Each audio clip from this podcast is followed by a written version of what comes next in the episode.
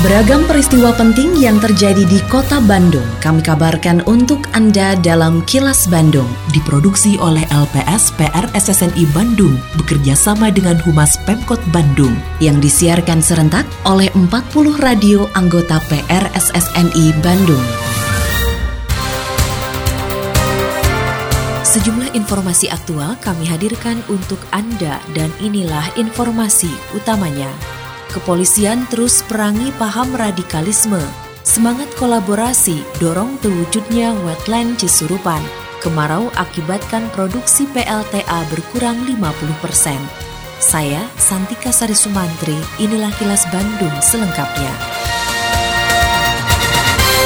Kementerian Agama Republik Indonesia memberikan apresiasi kepada para santri untuk menjadi yang terbaik dalam ajang Pekan Olahraga dan Seni Antar Pondok Pesantren tingkat nasional atau POSPENAS. Saat penutupan pos penas ke-8 tahun 2018 di Sarana Olahraga Arca Mani, Kota Bandung, Wakil Menteri Agama RI Zainud Tauhid Saadi mengatakan, pos penas merupakan ajang bagi para santri menunjukkan potensinya di bidang olahraga maupun seni, sehingga hal tersebut merupakan salah satu proses pembibitan.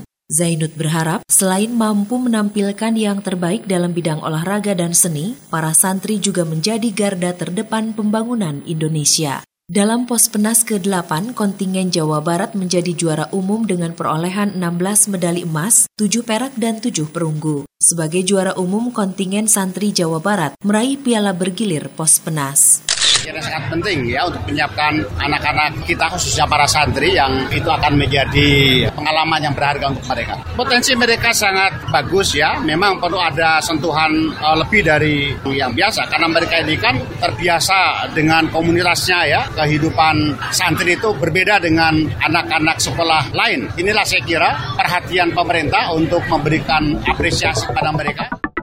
Jajaran Polrestabes Bandung terus berupaya semaksimal mungkin untuk menekan pergerakan paham radikalisme agar tidak berkembang di masyarakat. Wakap Polrestabes Bandung, Ajun Komisaris Besar Polisi Dedi Suryadi mengatakan, untuk menekan hal tersebut, kepolisian menggandeng jajaran TNI juga pemerintah Kota Bandung. Menurut Dedi, paham radikalisme sangat berbahaya karena dapat mengancam ketentraman serta keamanan masyarakat. Paham ini tidak mengenal batasan usia serta golongan. Ini dibuktikan dengan adanya salah satu anggota Polwan di Polrestabes Bandung yang ikut terpapar dan kini tengah dilakukan pemeriksaan secara intensif. Oleh karenanya, Dedi mengajak seluruh lapisan masyarakat ikut aktif berperan serta dalam mencegah dan memberantas paham radikalisme tersebut. Mungkin setiap potensi masyarakat yang ada juga mungkin sudah banyak dan ada yang terpapar. Juga tidak menutup kemungkinan juga juga di kita kan seperti kemarin ada juga salah satu anggota poluan kita yang juga sudah terpapar, kemudian dilakukan upaya penangkapan dan lain sebagainya. Jadi semuanya tetap harus waspada di seluruh lini masyarakat di dalam rangka menciptakan Bandung, Jawa Barat khususnya Bandung menjadi wilayah yang kondusif. Tentunya Kepolisian Negara Republik Indonesia tidak akan bekerja dengan maksimal tanpa kerjasama yang baik dengan dua pilar yang memang menjadi mitra kita atau sahabat kita. Semangat kolaborasi yang dibangun antara pemerintah Kota Bandung dengan masyarakat mampu mewujudkan mimpi. Hal tersebut disampaikan Wakil Wali Kota Bandung Yana Mulyana usai meresmikan dan membuka untuk umum kawasan wetland Cisurupan Kecamatan Cibiru, Kota Bandung. Menurut Yana, wetland Cisurupan dibangun atas dasar kolaborasi semua pihak, baik pemerintah maupun masyarakat juga komunitas. Yana mengapresiasi kerjasama dan gotong royong dalam membangun wetland Cisurupan. Peresmian wetland Cisurupan dilakukan dalam rangka memperingati Hari Bakti ke-74 Pekerjaan Umum Tingkat Kota Bandung. Wetland Cisurupan berfungsi sebagai daerah tangkapan air sebagai upaya Pemkot Bandung dalam mengantisipasi banjir di wilayah selatan Kota Bandung luar biasa lah kalau kita lihat. Jadi saya sebagai orang yang lahir besar di Bandung merasa betul bahwa semangat gotong royong warga masyarakat Kota Bandung masih luar biasa tinggi. Tinggal kita ajak gitu ya. Dan ini saya lihat satu hal yang terbukti lah gitu ya. Luar biasa. Kita nggak pernah bayangkan waktu bulan April datang ke sini hujanan yang gede banget gitu ya. Bisa seperti ini gitu ya. Aduh, subhanallah lah gitu ya. Dan semangatnya waktu itu bilang yuk kalau perlu saya yang nyangkul duluan lah ayo hanya untuk maksudnya tadi warga masyarakat asal diajak ya dan ternyata alhamdulillah gitu ya.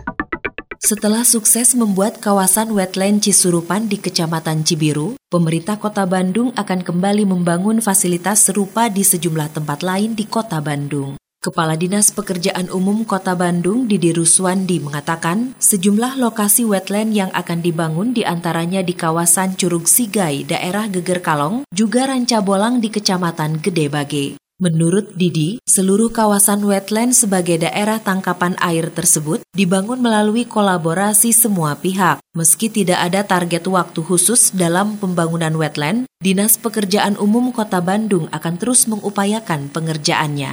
Banyak sih yang sekarang tahun ini itu kan di samping yang ini ada di Ranca Bolang Gede Bage, kemudian di kantor di Sub udah dibuat, kemudian sekarang lagi penataan Curug Sigai. Di atas sana ah, nanti tanggal 14 juga akan di pembukaan itu penanaman terakhir Mas Celeng. Nanti akan dikembangkan ke sebelahnya gitu ya itu sama karena ingin trek sepedanya minimal 2 kilo gitu itu baru 900. Sebelah ada mata air Ciraga itu juga mau dikembangkan jadi banyak lah. Akibat musim kemarau, produksi pembangkit listrik tenaga air atau PLTA Lamajan yang berada di Pangalengan Kabupaten Bandung berkurang 50 persen. Penyusutan terjadi karena debit air yang berkurang juga tingginya sedimentasi di Danau Cilenca.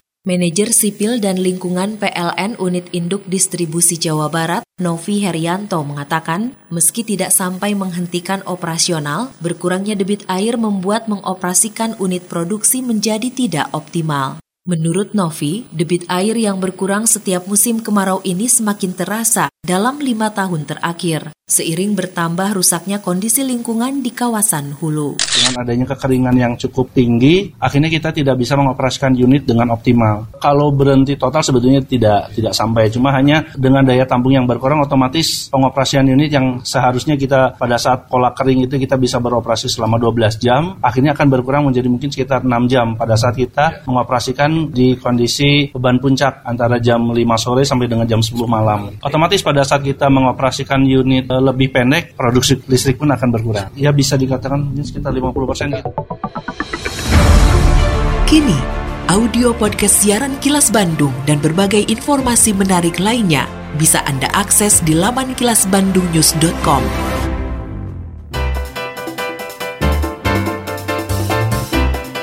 Berikut sejumlah agenda kerja para pejabat Pemkot Bandung Selasa 3 Desember 2019. Wakil Wali Kota Yana Mulyana membuka fokus group discussion atau FGD dengan tema bekerja tanpa pungli. Selanjutnya bersama Sekretaris Daerah Emma Sumarna menghadiri Hari Bakti PU ke-74 tahun 2019 di Kelurahan Cisurupan, Kecamatan Cibiru. Berikutnya memberikan sambutan dan pengarahan pada kegiatan pembinaan dan evaluasi Satgasus PKL tahun 2019. Agenda lainnya memberikan sambutan pada acara gebiar sanitasi di GSG Unjani Jalan Gatot Subroto, kemudian memberikan sambutan pada acara Anugerah Cagar Budaya Kota Bandung 2019. Adapun Bandung menjawab di Taman Sejarah Balai Kota Bandung menghadirkan Dinas Pekerjaan Umum, Dinas Lingkungan Hidup dan Kebersihan, juga PD Pasar Bermartabat dan Bagian Hukum Kota Bandung. Selain agenda kerja para pejabat Pemkot Bandung, informasi dari Humas Kota Bandung, yaitu para pedagang yang akan mengisi ruang dagang di semi basement Pasar Kosambi, diminta segera bersiap dan mulai berbenah agar bisa secepatnya berjualan. Selain itu, para pedagang juga diminta mentaati ruang dagang yang telah disepakati. Permintaan tersebut disampaikan Wakil Wali Kota Bandung Yana Mulyana usai melakukan monitoring ke Pasar Kosambi pada Senin kemarin. Menurut Yana, pembangunan ruang dagang di semi basement Pasar Kosambi sudah mencapai sekitar 95 persen. Sisanya hanya tinggal sedikit pembenahan. Saat peninjauan, Yana meminta pedagang kembali membongkar tempat dagang yang melebihi batas karena mengganggu akses jalan. Demikian sejumlah agenda kerja para pejabat Pemkot Bandung dan info aktual yang diterima redaksi LPS PR SSNI Bandung dari Humas Pemkot Bandung.